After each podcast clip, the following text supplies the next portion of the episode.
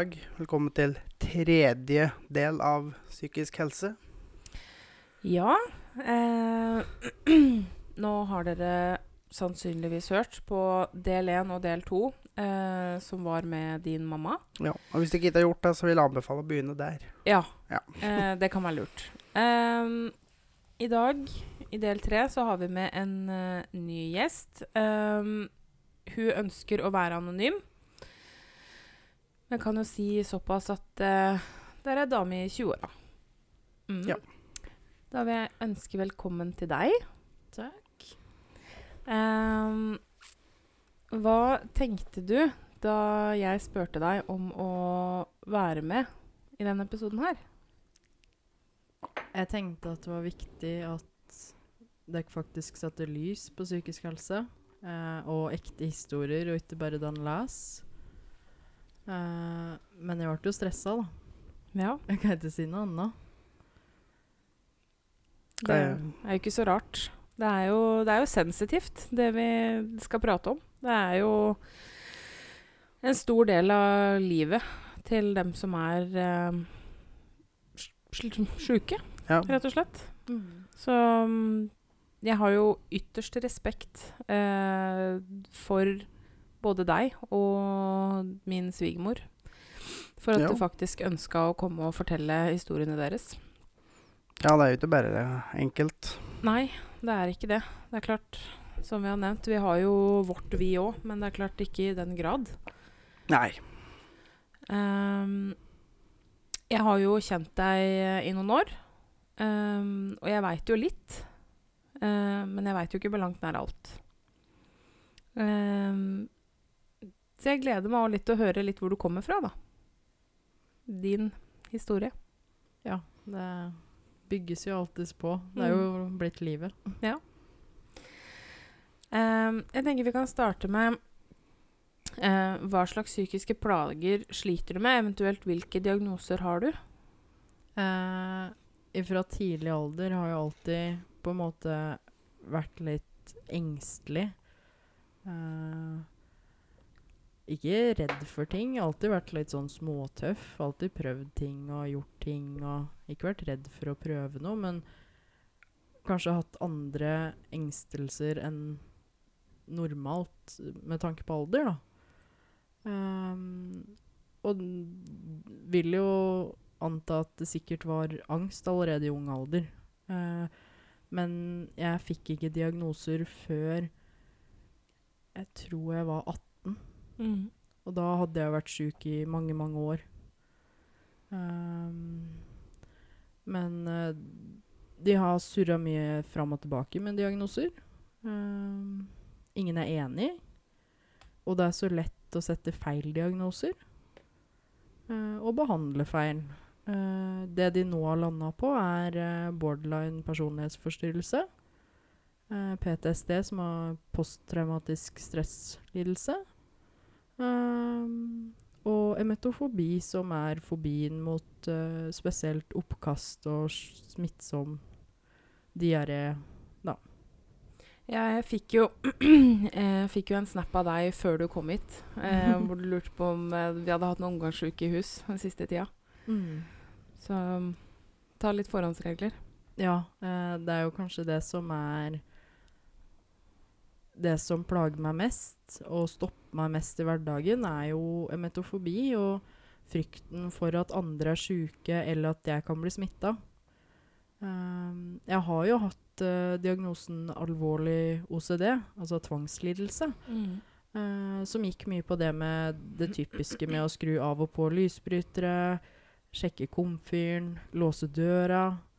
Men etter intensiv behandling så har jeg blitt kvitt det. Men jeg sitter Wow. igjen med emetofobien, da. Så egentlig er jeg jo fornøyd sånn sett. Mm. Fått snevra det ned en god del, da. Ja. Det var veldig tidskrevende eh, å ha alle sånne sjekkpunkter i løpet av dagen. Mm. Det kan jeg godt forstå. Um, I løpet av en normal dag Nå har du vært litt inne på det. eh, men i løpet av en normal dag, eller en normal uke, ehm, så er det den fobien. Men er det noe annet eh, som også på en måte preger hverdagen din i større eller mindre grad, da.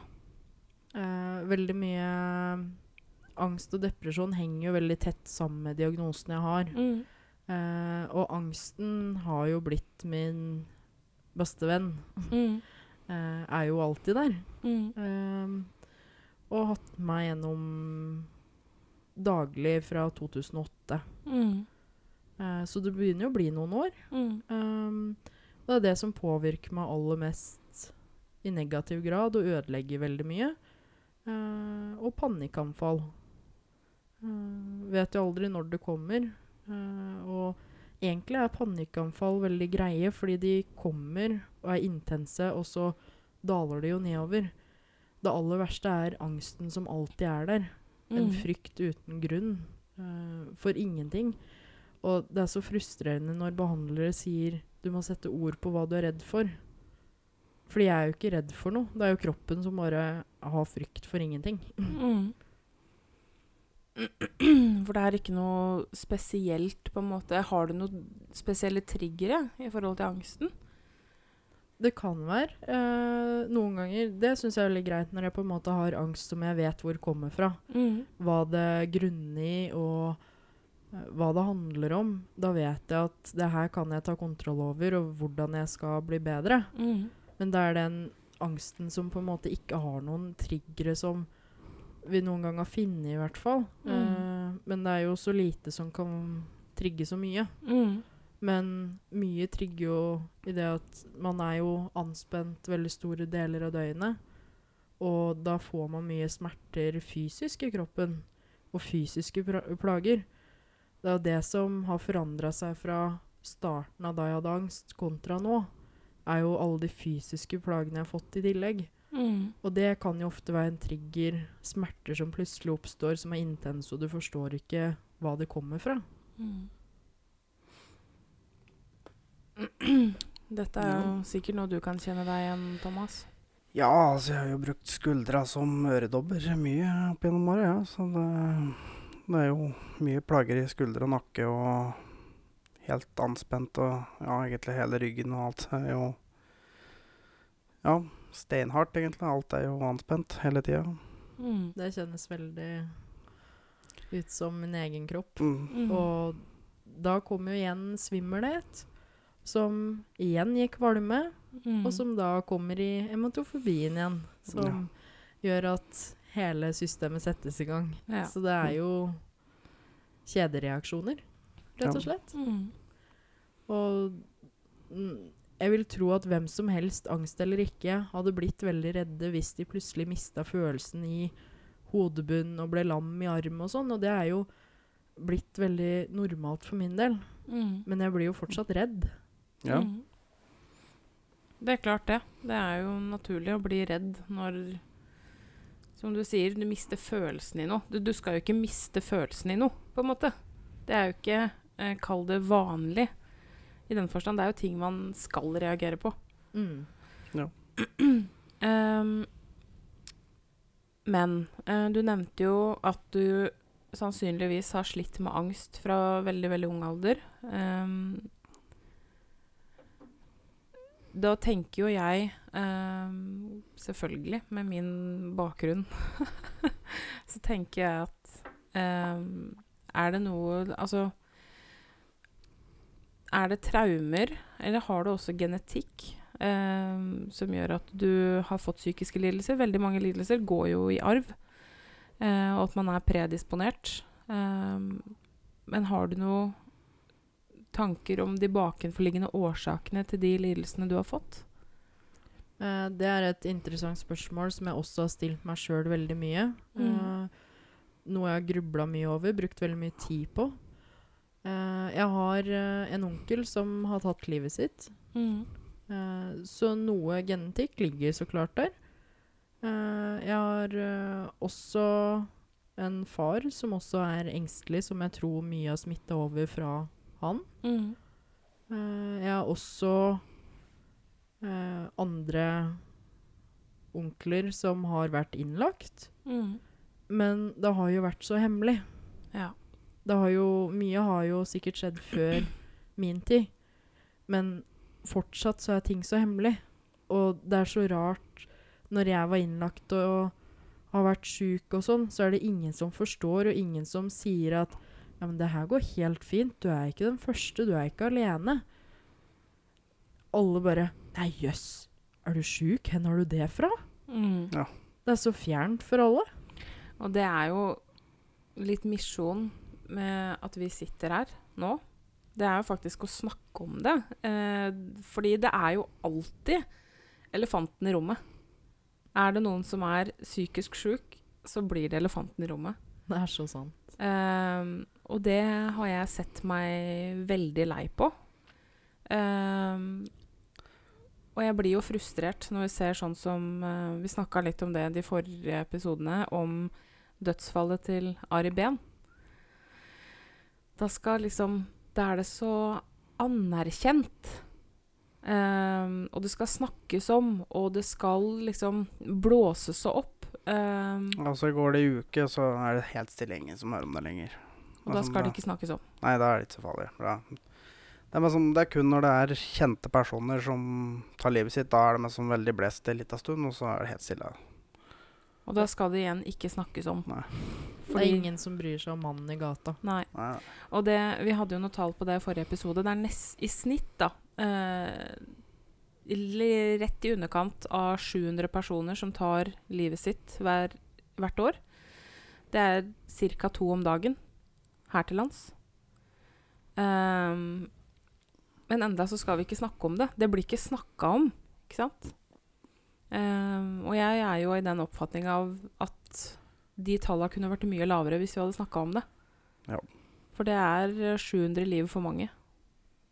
Det er eh, så små tiltak som skal til for å gjøre så mye.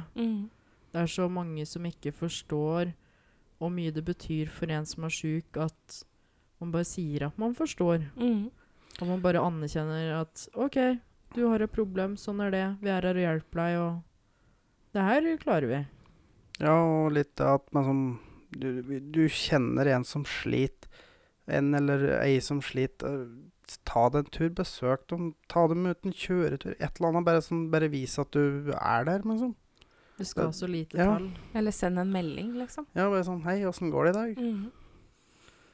Jeg òg har jo en eh, annen eh, kompis av meg som sliter veldig veldig mye med angst, og mye panikkangst. Ehm, og han Jeg var liksom Jeg tenkte ikke noe spesielt på det, men jeg visste at han sleit, da. Så jeg sendte jo noen snapper og spurte hvordan det gikk og sånn. Og så gikk det noen måneder, og så forteller han meg det. Du aner ikke hvor mye det har betydd. Bare det å få den 'Hvordan har du det i dag?' Uh, at noen anerkjenner at livet er ikke alltid så kult, da. Det er greit å bli spurt. At man fortsatt finnes sjøl om man er sjuk. Mm. For ofte så Det er jo så lett å dette utafor samfunnet når man er sjuk. Mm. Det er ingen som legger merke til deg lenger. Det er ja. ingen som merker om du kommer på jobb eller skole, fordi ofte så klarer du ikke å delta på jobb og skole. Og alle trekker seg bare unna, for det er mye lettere enn å ta problemet. Mm. Ja. For det er det vi blir, et problem. Og det er jo akkurat det, for det, det, blir så betent. Det er ingen som vil røre det, ikke sant? For da stikker det. er de redd for å stikke høl på en eller annen byll.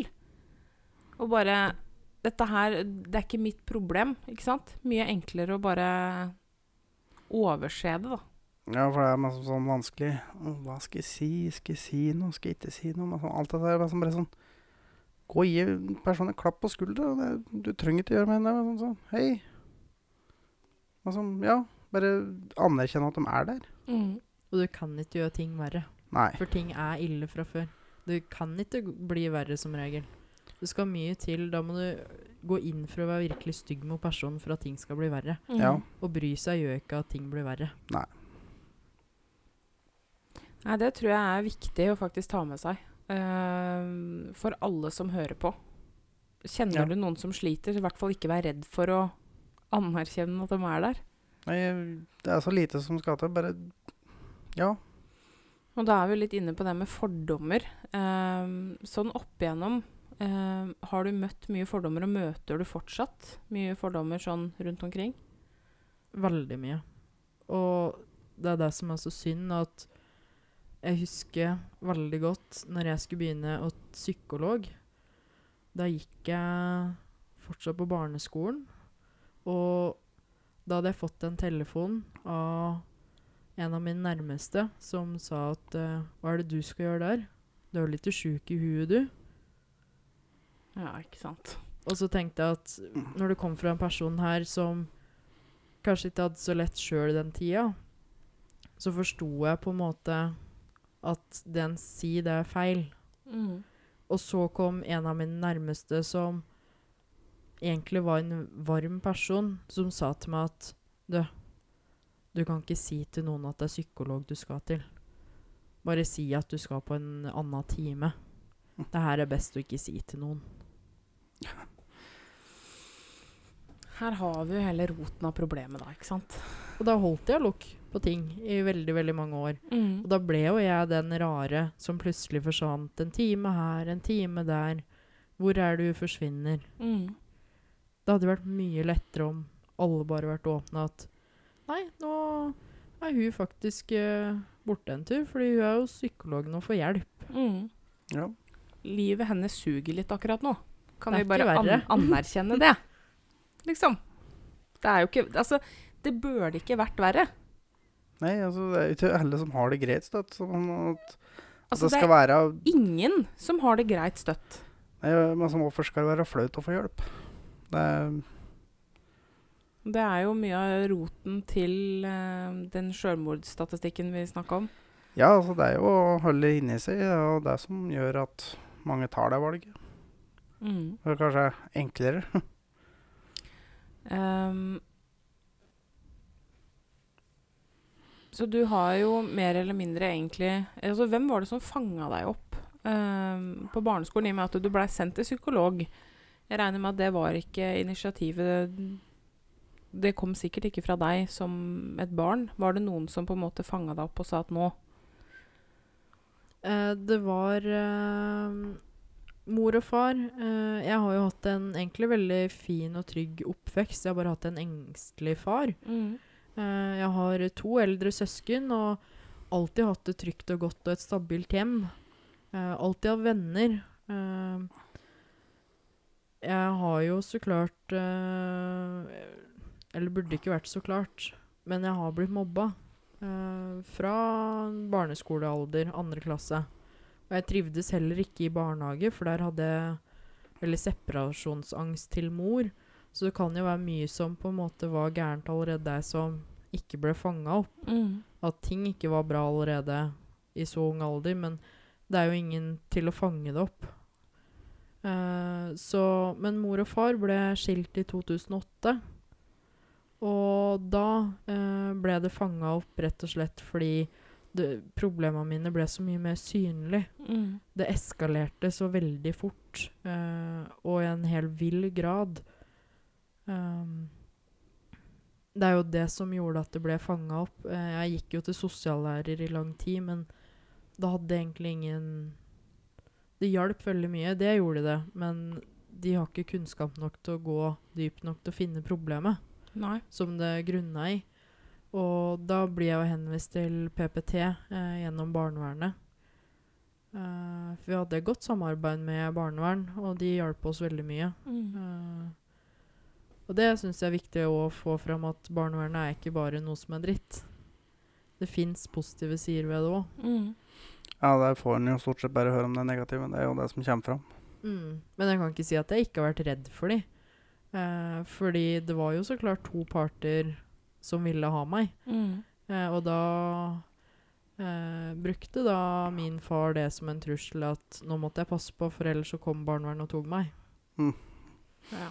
Så jeg var, eh, helt til jeg var 18 så var jeg jo redd barnevernet, men jeg har sett at de har jo ikke gjort meg noe vondt, og de har alltid gjort det som har vært mitt beste. Mm. Eh, de har kanskje ikke alltid gjort en god nok jobb, ikke ført opp nok. Eh, men de har da i hvert fall prøvd, da. Mm. Ja. Um, du nevnte jo innledningsvis ehm, Det er klart jeg er jo jeg er nysgjerrig, så jeg må jo selvfølgelig spørre. Du nevnte innledningsvis at du sliter med PTSD. Har du funnet noe eksakt grunn?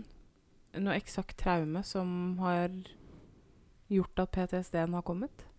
Uh, det å komme fra skilsmissa Mm. uh, Min far tålte skilsmissa svært dårlig. Mm. Uh, han ville nok ikke at det skulle ta slutt. Eh, han mista jo hele familien sin, Mm. og det gjorde noe mye pga. oppførselen han fikk. Mm. Han ble det man rett og slett kan kalle sjuk i huet. Mm. Han har ingen diagnose. Mye fordi han mener jo at det med psykisk helse er tull. Ja. Ja. Det kan jo være en stor grunn til det at han ikke har noen diagnoser. Eh, men jeg tror at uh, ting har vært mye bedre hvis noen hadde fanga opp og gitt han hjelp. Mm. Det hadde òg gitt meg hjelp som barn i situasjonen.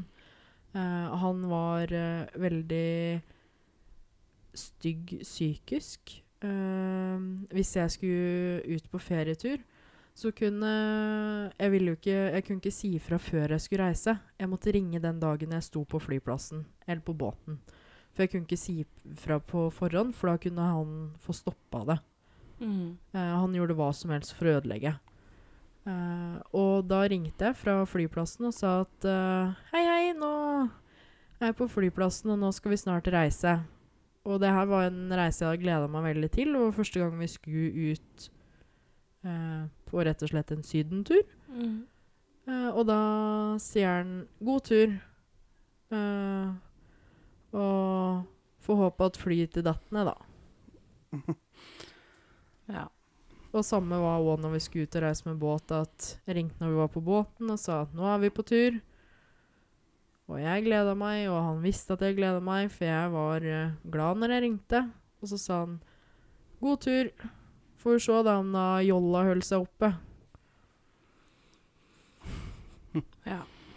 Og det er, eh, det er på en måte milde ting eh, som har skjedd. Eh, han har jo en episode som satte seg veldig, som gjorde at ting ble mye verre eh, i forhold til meg og psykisk helse, var eh, Han kom og henta meg eh, hjemme hos mor.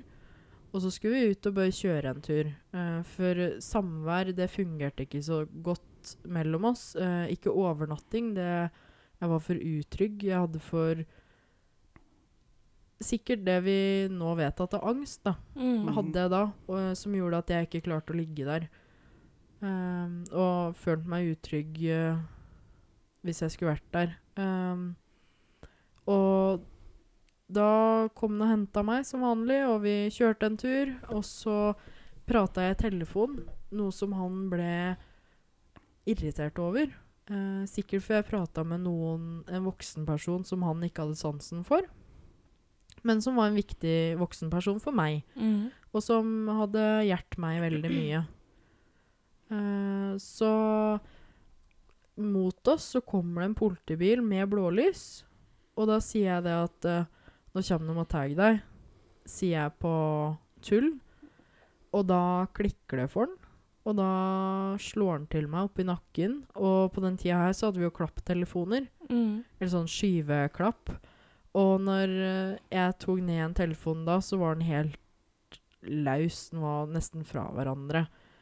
Så jeg kan jo være glad for at jeg hadde telefonen der. Mm. Og da tenker man jo at da på en måte Da skjønner han jo Burde jo alle voksne skjønne at her gjorde jeg noe jeg ikke burde gjort. Men i stedet for å roe seg ned da, så bare eskalerer ting enda verre.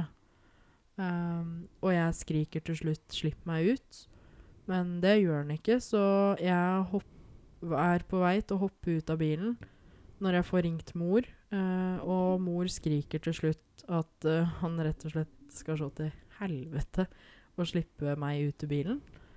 Um, og da slipper han meg til slutt ut av bilen, og jeg løper ned i et lite skogholt og ligger der og gjemmer meg fram til mor får henta meg. Og etter den episoden her, eh, så ble jo det anmeldt. Jeg er ikke sikker på hvem som anmeldte det. Men det ble i hvert fall anmeldt, og det ble sak ut av det. Og jeg var i dommeravhør. Um, og jeg var jo dommeravhør fordi jeg var for ung til å delta i en rettssak. Mm. Um, og hele situasjonen var så ubehagelig å bli plukka opp av barnevernet og bli kjørt til et sted. Og her eh, ble jeg vist et rom med kanskje ti voksenpersoner rundt et møtebord. Og fikk beskjed om at alle de her skal sitte og se og høre på deg mens du sitter i naborommet. Så er det kameraer og mikrofon. Og så skal jeg sitte og gjenfortelle hele historia. Og når jeg skal ut igjen derfra, så får jeg møte en mann som er psykologspesialist. Og så gir han meg kontaktkortet sitt, da. Eh, rett og slett et visittkort. Og så sier han at eh, ja, hvis ting skal bli tungt, bli tungt for deg etter i dag, da tar du kontakt. Og jeg tenkte herregud, Mm. for en tosk! Nå har jeg bare sittet her og forklart hva som har skjedd, og så skal jeg plutselig få et visittkort fra en sånn en. Og jeg lo. Og jeg lo. Og så gikk det to uker, og det smalt. Ja. Ehm, da hadde jeg mitt første panikkanfall. Da jeg lå på sofaen, eh, hadde sovna for jeg var så utmatta. Våkner opp. Jeg ligger og rister og rister og ligger i fosterstilling. Kroppen har knyttet seg sammen. Jeg får ikke kontroll over kroppen. Jeg klarer ikke å snakke fordi tenna bare hakker som om du er iskald. Som om du har stått ute en halv vinter. Og kroppen føles glovarm og iskald på samme tid. Og jeg ante ikke hva som skjedde. Det må være en veldig skummel opplevelse når du ikke når du, når du ikke har noe ord på en måte for å beskrive en så fysisk reaksjon, da. For det var det som var så skummelt. Det var jo så fysisk. Og det er jo her angsten min starter å bli fysisk. Mm. Um, jeg har jo nå hatt angst fra 2008, som det på en måte har vært en ting som andre også oppdager. Men det her eh, tror jeg at det var i 2011. Og det går jo ganske mange år med normal redsel før det blir noe fysisk. Mm. Da klarer man, klarer man jo ikke å koble at å ja, den fysiske voldsomme reaksjonen her, det er noe psykisk nå. Nei, det Det er jo vanskelig å koble i hop med som det at det, det skal være noe sånt noe. Sånn. det, du tror jo at det er noe fysisk med sånn når du får en fysisk reaksjon. da. Og eneste hjelpa jeg hadde fått i form eh, fra PPT, da, var jo bare hvordan samværet mellom meg og far skulle være, og hvordan jeg opplevde det. Det var ikke hvordan livet mitt var ellers. De Nei. hang seg veldig opp i det samværet. Mm. Det var ikke det som var hovedproblemet. Det var så mye mer. Det er Mm. så sammensatt. Det er det som ofte er problemet um, når det kommer til eh, psykiatri, så er det er så sammensatt. Ehm, og det som fikk meg til å se ting litt i perspektiv Jeg hadde en foreleser um, som forklarte meg det at når det kommer til psykiatriske diagnoser, så er det aldri én Eller det er aldri to schizofrenipasienter som er like. Det er aldri to angstpasienter som er like symptomene er, kan være så vidt forskjellige, men de har et visst antall eh, samlende symptomer. Da. Så de, så de prøver på en måte så godt de kan å sette ting i en bås for å kunne lage en uh, behandling for de gruppene. Da. For noe standardisert må det jo være. Og det er det som er ethvert um, Ethvert tilfelle er jo så komplekst. Det er så mange sider ved det. Det er nok det som gjør det veldig vanskelig eh, å gi god psykiatrisk hjelp, da. For det er jo mye Vi, det, vi mangler jo mye her til lands enda. Det er jo mye enklere med fysiske sykdommer. For det er liksom, du har den sykdommen der, ja, da behandler du med den tabletten der, og så blir det ordna. Liksom. Men eh, det fungerer jo ikke helt sånn psykisk. Hjernen vår er ikke sånn. Nei. Og det er for dårlig kunnskap. Mm. Eh, Ja. Det ser det gang på gang. Eh, og det er for dårlig oppfølging. Eh, som dere snakka på i stad, at eh, når offentlige personer går bort eller tar livet sitt sånn, så blir det så mye ståhei rundt det. Mm. Eh, og så det som har provosert meg mest med eh, rundt det med Ari Behns bortgang, er jo det at de sier du må søke hjelp. Men du Mm. får jo ikke hjelp. Problemet er at du blir stående på venteliste i måned etter måned etter måned. Ja, da er du jo heldig Hvis- hvis, du har kommet hvis dit. du har kommet dit, ja. Eh, sånn som når jeg gikk på PPT, så hadde jeg stort behov for hjelp videre. Men grunnen til at det ble avslutta, er at eh, behandleren min skulle flytte. Ja. Og da var det ingen som tok over den stafettpinnen. Nei, da var det over. Eh, og med de akuttimene jeg fikk etter det dommeravhøret, Mm. Så fikk jeg Jeg tror det var tolv timer jeg fikk utdelt. Og så var det over. Ingen oppfølging i etterkant. Noensinne. Og så tenkte jeg ja, kanskje bare barnepsykiatrien som er så dårlig her til lands. At de, de ikke har kunnskap nok. At det ikke er mange nok sjuke unger til at de vet hva de skal gjøre. Men så ble jeg jo eldre, da, og kom inn i voksenpsykiatrien og DPS, som det heter. Distriktspsykiatrisk senter. Ja. Um, det fins Ja, det er Hva skal jeg si Det er et behandlingssted med både døgnplasser uh, og mulighet for samtaletimer. Det fins i hvert distrikt. Mm. Mm. Mm. Og der fikk jeg en nyutdanna behandler. Uh, hun var utdanna psykolog. Jeg var veldig fornøyd. Uh, hun hjalp meg med å bli kvitt OCD-en. Men når vi var kvitt den, så var det jo ti millioner andre problemer som fortsatt sto f i kø. Mm. Um, men nei, da hadde jeg fått fast jobb i en annen by. Så da skulle hun flytte. Så da ble jeg friskmeldt. Ja. så jeg ble frisk på dagen. Ja. I hvert fall det står det i papirene mine, da. Mm. Så, så i dine papirer så har du på en måte opphold hvor du har vært frisk, og så har du blitt sjuk igjen. I papira, da. Det her eh, Jeg fikk eh, Jeg ble Man blir jo utskriver så man bare går til samtaler. Mm. Da ble jeg utskrevet i desember. Um, og så drar jeg til fastlegen min og sier det at uh, nå er ting så ille at jeg trenger hjelp. Å, sier han. Nei, uh, jeg har lyst til å ta livet mitt, sier jeg. Da ser han på meg, og så sier han Du, det er veldig alvorlig å si. Det må du ikke si, altså. Nei, nå må du gi deg. Da fikk jeg beskjed om å skjerpe meg. Eh, Ja, men du, så hvis du går med sånne tanker, så må du jo si det, da. Altså, det, det er jo de aller færreste som går rundt og sier det bare for å si det, men sånn. Det, Nei, så da fikk jeg beskjed om at uh, det kunne jeg ikke gå rundt og si. Og det hadde tatt meg lang tid å samle nok mot til endelig si det eh, til min fastlege, som jeg trodde jeg kunne betro meg til. Og jeg krangla meg til en henvisning til DPS. Og til slutt så får jeg innkalling til DPS. Det tar jo som sagt måneder og år. Mm. Uh, I hvert fall når man står i en sånn situasjon og trenger hjelp der og da. Mm. Uh, men jeg holdt ut, og jeg hadde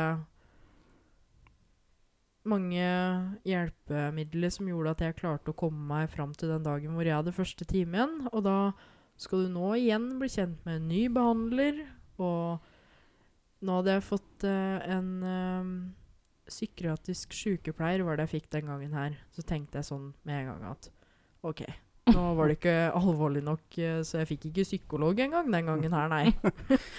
OK. Så jeg var jo ganske negativ til hele opplegget den gangen her. Mm. Um, og kommer inn, og her møtte jeg da verdens herligste behandler. Uh, han var så flink. ehm, og hjalp meg. Uh, jeg rakk ikke å gå mange gangene der før jeg ble Jeg var så langt nede at han ikke kjente meg igjen når han henta meg på venteværelset. Så han lurte på hva det var. Og jeg sa jo så klart ingenting. Er ikke det vi alle sier? Mm. Og da kom det jo fram til slutt at ting var jo absolutt ikke bra. Og jeg hadde egentlig lyst til å droppe timen. Jeg skulle egentlig ikke dra, fordi jeg skulle ta livet mitt den dagen. Mm.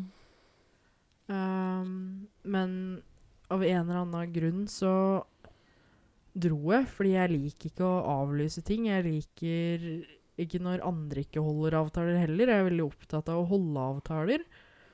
Så det er nok grunnen til at jeg overlevde den dagen. Og jeg dro dit, og det er da jeg møter det eneste innen psykisk helse i Norge som faktisk fungerer. Og det er det ambulante akutteamet. Mm. Eh, ingenting negativt å si om de. Uh, de er nok de som redda livet mitt. Da ringte DPS de, og de holder tilfeldigvis til i kjelleren på det sykehuset Ja. som jeg gikk til. Uh, og da kommer det en eldre, hyggelig mann som igjen skal spørre opp igjen de samme spørsmåla. Du blir da spurt om hvordan du føler deg, om du har tenkt å ta livet ditt den dagen, om det er fare for eget liv, og hvordan du skal gjøre det. Mm. Og ting blir så virkelig når du må sitte der og forklare til andre hvordan du har tenkt å ta livet ditt. Hadde du en konkret plan? Ja. Uh, det var uh, veldig konkret med sted, tidspunkt, hva. Alt Mm. var uh, nøye planlagt. Og jeg tror at alle som har vært psykisk syke i lang tid, vet innerst inne hvordan de skal avslutte det. Mm. Um, men da ble jeg Fikk besvart de spørsmåla her enda en gang. Um, ble plassert i en uh, verdens minste bil. Um, jeg er sikker på at det må ha vært en Polo. Den var så liten, den bilen. For jeg, jeg sa jo det at eh, Ja, men jeg kan jo kjøre sjøl. Og de bare Nei. Jo, jo, jeg har en bil i dag, ja. Nei, du får ikke kjøre sjøl, for da skulle, skulle de legge meg inn.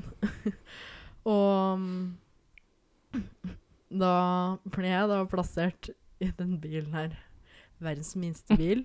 Med de to største mannfolka jeg har sett i hele mitt liv. De var så breie, de. Skulder sku til skulder. Så de dekka frontruta. Jeg så ingenting framover. Det var helt sjukt. Og der sitter nå lille meg, lille rare meg, forstår ikke helt hva jeg har stelt i stand. For det blir jo rene ståheien. Og den stakkars eh, behandleren min, da, han hadde jo akkurat begynt der. Han hadde jo bare hatt meg et par uker. Eller tre. Så han hadde jo bare jobba der i tre uker før jeg steller i stand det her. Og han bare ringer eh, til skranken og bare Avlys resten av dagen min. og tenke å herregud, nå har jeg gjort det. Nå har jeg lagt helvete for andre som skal inn til samtaler òg nå, liksom. Nå. Så fikk jo dem på samvittigheten. og så liksom sitter der og Som jeg sa i stad, ble jeg innlagt på Sanderud. Og da sier det seg sjøl at vi er jo ved Mjøsa. Mm. Og Mjøsa er det fineste jeg veit, og det er jo det som har holdt meg oppe så mange ganger. Og så kjører vi, og jeg ser Mjøsa, og jeg sitter Det er akkurat som en film, så sitter jeg bare med huet inntil. Baki den trange bilen med de altfor svære kara. I den veldig lille bilen. ja. og bak så kommer min homofile behandler i den mest mannlige bilen jeg hadde klart å velge den dagen. Etter med min bil, fordi han syntes jo synd på meg at jeg måtte betale parkering. Så han måtte da komme etter med min bil til behandlingsstedet. Det var jo veldig pent gjort, da. Ja, han, eh, han er verdens beste. Og kommer endelig inn på det behandlingsstedet her, da. Og blir møtt med tror det var sju stykker som sto der og tok meg imot. Og da hadde jeg to de to svære mannfolka fra bilen, da. De sto bak meg, og min da homofile behandler som sto på min side. Så da var det jo plutselig veldig mange i det, den lille gangen, og tenkte jeg nå har det virkelig rabla for meg. Her kommer jeg aldri ut igjen. Det var jeg sikker på. Du ser litt for dem er som Nei, nå kommer de med tvangstrøye et polstra rom, og nei, nå blir det bra. Nå skal vi kose oss. Det så sånn ut når jeg ble møtt eh, liksom Hva er det de tror om meg? At jeg skal ta livet av hele gjengen når de kommer så mannsterke? Er Men, sånn- det, det, det er bare meg, det er ikke Hannibal Lekter som kommer her nå, liksom. Det så sånn ut. Ja. Og kommer inn, da. Og da, for tredje gang den dagen, på en liten halvtimes tid, så må jeg da forklare på nytt åssen jeg hadde det, Mm. om jeg vil ta livet mitt, om det er fare for liv, og hen jeg skulle gjøre det, og åssen. Og da svarer jeg for tredje gang, ganske amper, vel å merke. Stakkars doktor som tok meg inn den dagen, for jeg var jo så sint. For jeg skjønte ikke hvorfor jeg måtte sitte og forklare for hver bidige person jeg møtte den dagen, åssen jeg skulle ta livet mitt. Så interessant kunne det ikke være. Men det var det nå tydeligvis. Og um, min eh, daværende kjæreste hadde sin eh, andre dag i ny jobb. Hvor jeg da ifra baksetet har klart å sende at eh, Hei sann, jeg er innlagt på Sanderud. Og det var det eneste jeg hadde Å, sendt. stakkar. Nei, nei, nei, nei. nei. For, Um, for dem som ikke vet, altså Sanderud er jo da et psykiatrisk sykehus som ligger rett på utsida av Hamar. mm, På en veldig liten plass som heter Gjellum, Mm. som sikkert ingen har hørt om. garantert. Så da um, Han får sikkert lettere panikk. Um, og det er jo forståelig. Ja. Um, så Ja. han ringer jo. Ikke bare én, ikke to. Jeg tror han har ringt meg 30 ganger. Ja, jeg skjønner jo det. Jeg Ja. skjønner jo veldig, veldig godt det. Det er jo forståelig, men jeg ble jo holdt igjen av de, den hele armen som kom og tok meg imot, da. Så jeg var jo opptatt med mitt. Og det her hadde jo begynt å florere, florere litt rundt da, til familie og sånn, så det er jo sikkert flere som begynte å lure hva som egentlig foregikk. For ingen hadde jo sett for seg at min DPS-time den dagen skulle ende i det her. Ikke du heller, sikkert. Nei, i hvert fall ikke jeg. Jeg hadde jo andre planer for dagen. for å si det mildt. Skulle reise og fikse negler og Uff Ja. meg. Så, og da tenkte jeg nå, nå får jeg endelig hjelp. Mm. Og kan ikke si noe annet enn at det her var en sprø plass. jeg var ikke alene om å være sprø der. Det kan jeg tenke meg. Eh, for alle som har vært innafor dørene på et psykiatrisk sykehus eller en psykiatrisk avdeling, veit hva, hva vi snakker om da. Det er- For der er altså, Det er, det er et del spesielt klientell inne på en sånn plass. Altså det, det, er- det er til alle slag. altså det er jo ofte altså På større sykehus så er avdelingene gjerne delt inn litt etter hva slags diagnoser og sånne ting, men på mindre steder så er det jo Det er fugl og fisk. Ja, Eh, og her kommer jo jeg rett inn på akutten, da. Det er klart, der er det der, spesielt der er det jo mye Godt og blanda. Ja. Det er det. Veldig salig blanding av alt mulig. Ja. Og så var det jo, fikk du utdelt et eh, ja, Som et hotellrom, da. Det var jo stusslig hard enkeltseng med sjukehusdyne og pute, så her skulle du virkelig være sjuk. Og så var det gittervinduer. Meg. Fikk jeg lufteluke. Heldig med den. Utsikt rett til en plen. Så Og så fikk jeg en skrivepult og en stol. Og tenkte sånn Herregud, nå skal han gå igjen, nå må jeg ha med henne nå. Men det gjorde de ikke, og jeg hadde telefonlader, strikkepinner, garn. Oi! Så Ja, det, er jo litt uh, skummelt uh, i ettertid å tenke på hvor mye rart jeg hadde i den For bagen det, min. det skal de vel egentlig gå gjennom. For uh, altså Jeg veit jo Altså, det kan vi jo si. med Som min mor sa i går når hun var innlagt og greier. Eller hun prata ikke så mye på det, men hun ble jo fratatt ladera sine og sånn.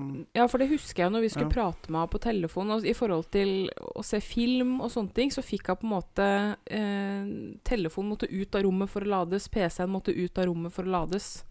Hun fikk jo ikke ha noen ting sånt på rommet. Nei, og det er jo det skumle at jeg hadde jo alt mulig rart. Jeg hadde jo så mye piller piller, alle slag. Og um, de Jeg fikk jo òg bad, da. Med et dusjforheng og mye fotsopp og andre sykdommer som levde på det badet. Det aner ikke jeg. Så jeg tok meg perm for å dusje hjemme. Hver gang. Så jeg dusja ikke der. Nei. Um, og tenkte at uh, ja vel, da ble jeg plassert her og skrudde ikke på lyset. Jeg satt uh, mutters aleine innerst på dette lille rommet. visste meg som et helt hen jeg skulle hørt av meg, da. For hva du skulle gjøre, da. Og så måtte jeg masse ringe min daværende samboer, da, og bare Hei, hei, her er det liv. så da Han var jo greit stressa. Ja. Um, ja. Det, Eh, det kan jeg jo forstå. Så han spurte om han skulle komme, og jeg er hysterisk og sier ja.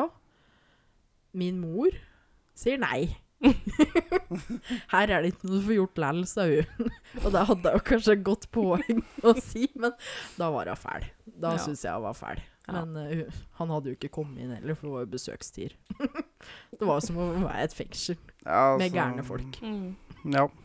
Jeg tror jeg hadde følt meg tryggere i et fengsel, faktisk. Ja. Her var det jo fritt fram. Jeg bare veit så godt hva du mener. ja, men Liksom. altså, det er jo Altså, i, i, mange av dem som sitter i fengsel, er jo helt normale, vanlige mennesker som egentlig ikke er noe gærne. Nei. Men på en sånn plass så er det jo Nesten samtlige. eh, Altså, det, er- det, det, er jo, det er jo såpass Det er folk som går der og prater med seg sjøl og ja, Altså, altså har en samtale med x antall personer oppi sitt eget hue og sånne ting, med så i verste tilfellene. også Jo, men på en sånn akuttmottak eh, så er det jo også veldig mange i psykose, som er potensielt Ja. veldig farlig. Det er jo Eh, det er jo mange psykosepasienter som havner inn.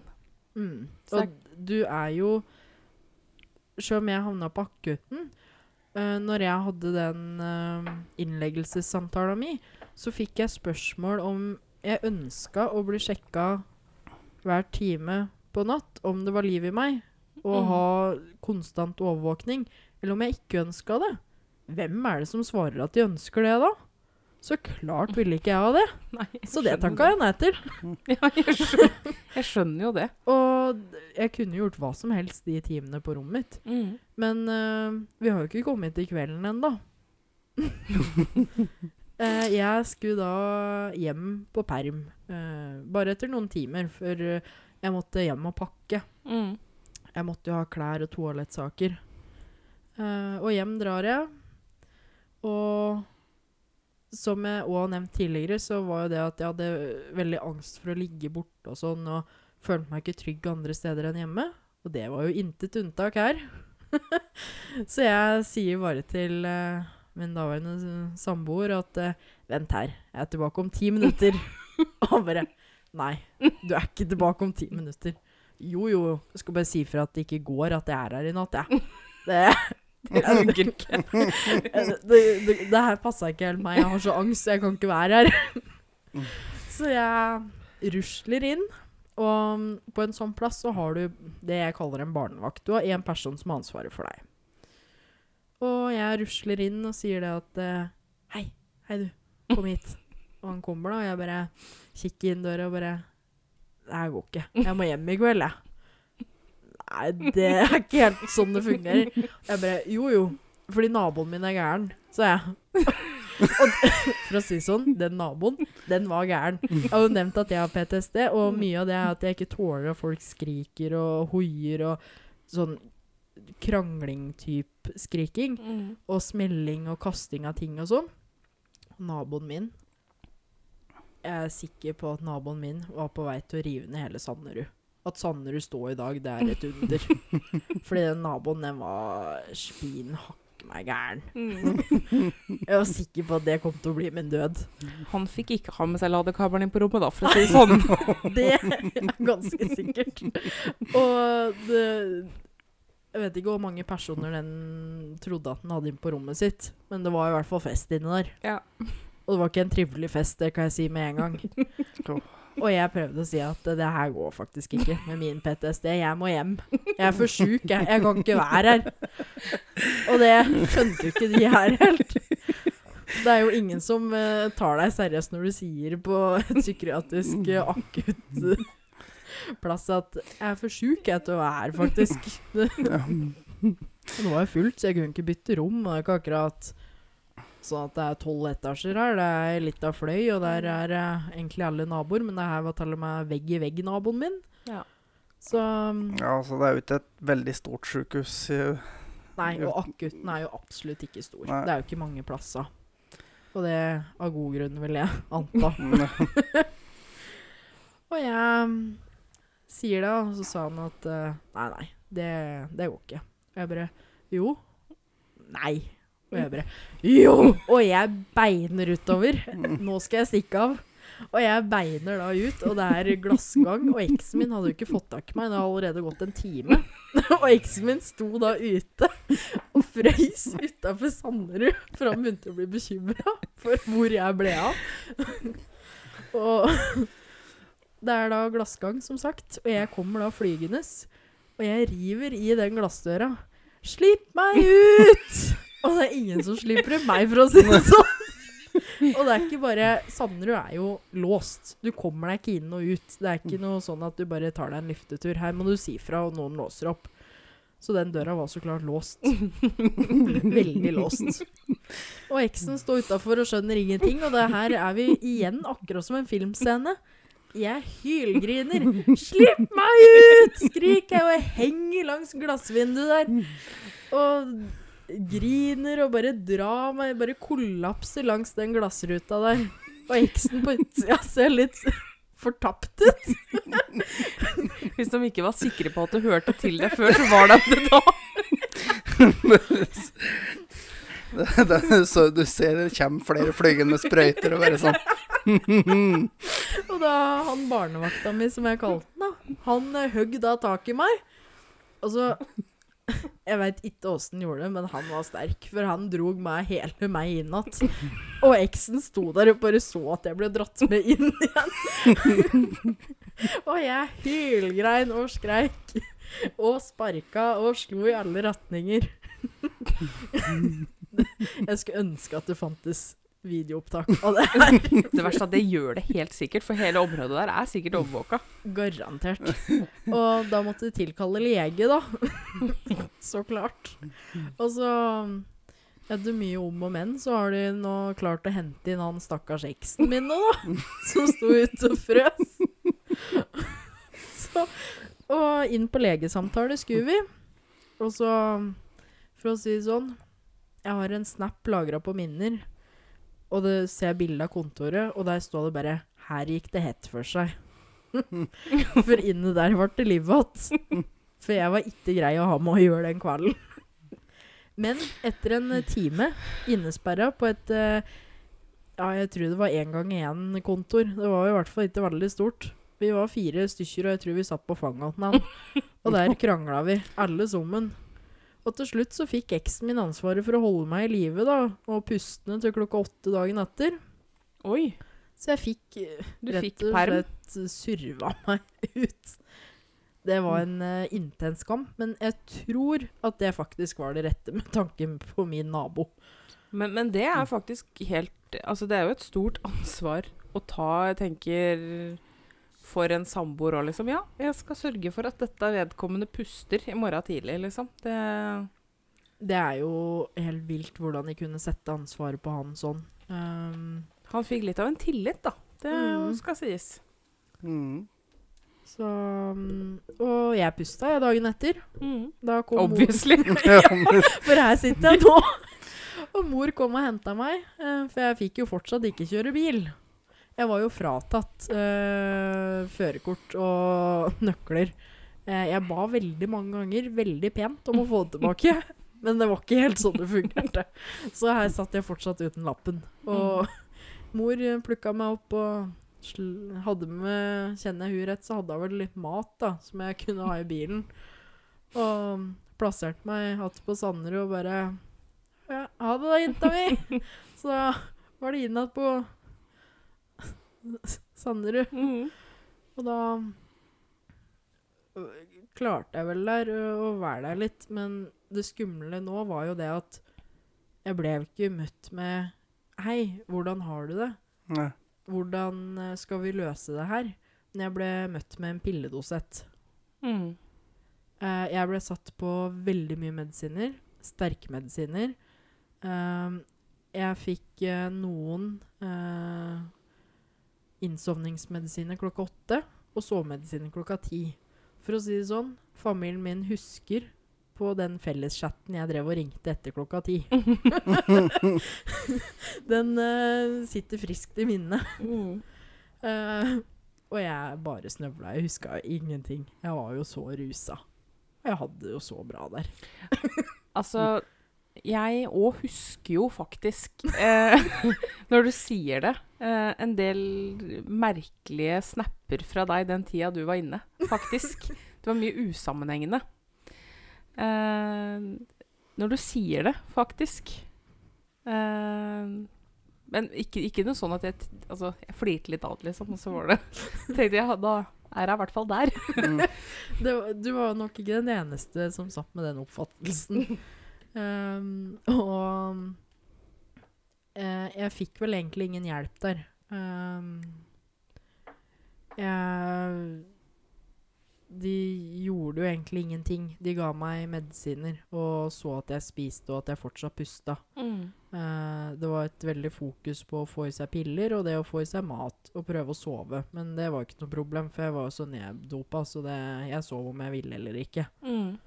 Um, om jeg hadde veldig angst om kvelden og skulle snakke med nattevakter om at jeg måtte ha noe mot angsten, så ble jeg nesten latterliggjort.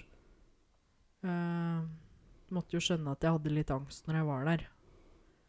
Det var jo Mm. bare å bite tenna sammen. Så jeg fikk, uh, selv om jeg fikk veldig mye rare andre medisiner som de skulle sette meg på fast, uh, så fikk jeg ikke noe akuttmedisin eller noe hjelp på akuttproblemene mine. Det var der de skulle spare inn, liksom. Ja. Ja. Og det var jo kanskje her de burde testa ut under kontrollerte former. Mm. Um, men uh, det var ikke mange dagene jeg fikk lov å være der. Fordi det var rett inn og rett ut. Ja. Uh, og da bare fortsatte jeg å gå på DPS, og så var det snakk om å liksom søke noe lengre innleggelse og sånn, og så bare Nei, men nå går det vel litt bedre, og de fortsatte å ha meg på veldig mye rare medisiner. Uh, og etter hvert så ble jeg igjen friskmeldt. Oi. Ja, Det tenkte jeg òg når jeg kom til min time og sa at nå har vi tre timer igjen. Og tenkte jeg jøss, hvorfor det? Nei, for nå skal det skrives ut. Uh, for det har blitt så bra. Blitt så bra, tenkte jeg. Ting er verre enn noen gang.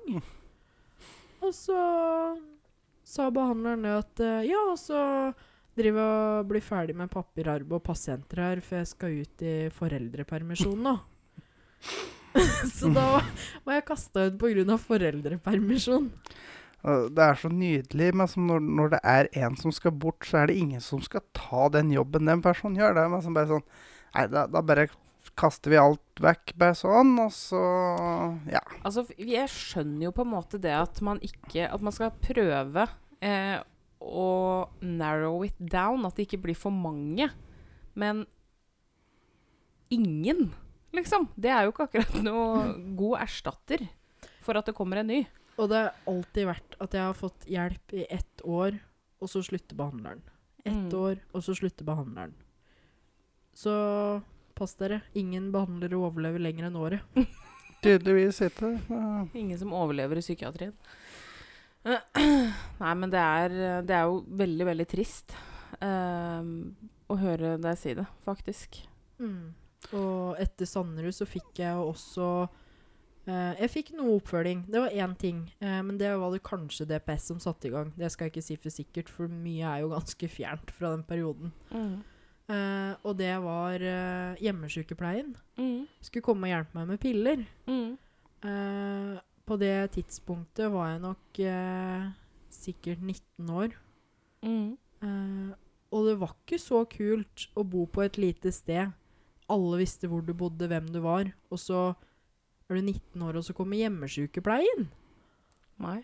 ja, for Eh. det er jo Men det det- som folk ikke tenker over, for hjemmesykepleien er jo ikke bare å besøke gamle folk. Nei, altså for Det- det er en sånn ting Jeg har jobba i hjemmesykepleien fram til nå nylig. Eh, og, og det er en sånn misoppfatning folk har. Fordi hjemmesykepleien er så komplekst. Vi hadde jo eh, brukere fra 16 til 100. Ja. Ikke sant? Så det, det, de er ikke bare åt uh, gamle pensjonister, de er åt alle som trenger det. Men igjen, der har du Mm. også det du sier med å bo på et lite sted, og du har hjemmesykepleien. Det er jo det som er, vet du. Det blir så synlig.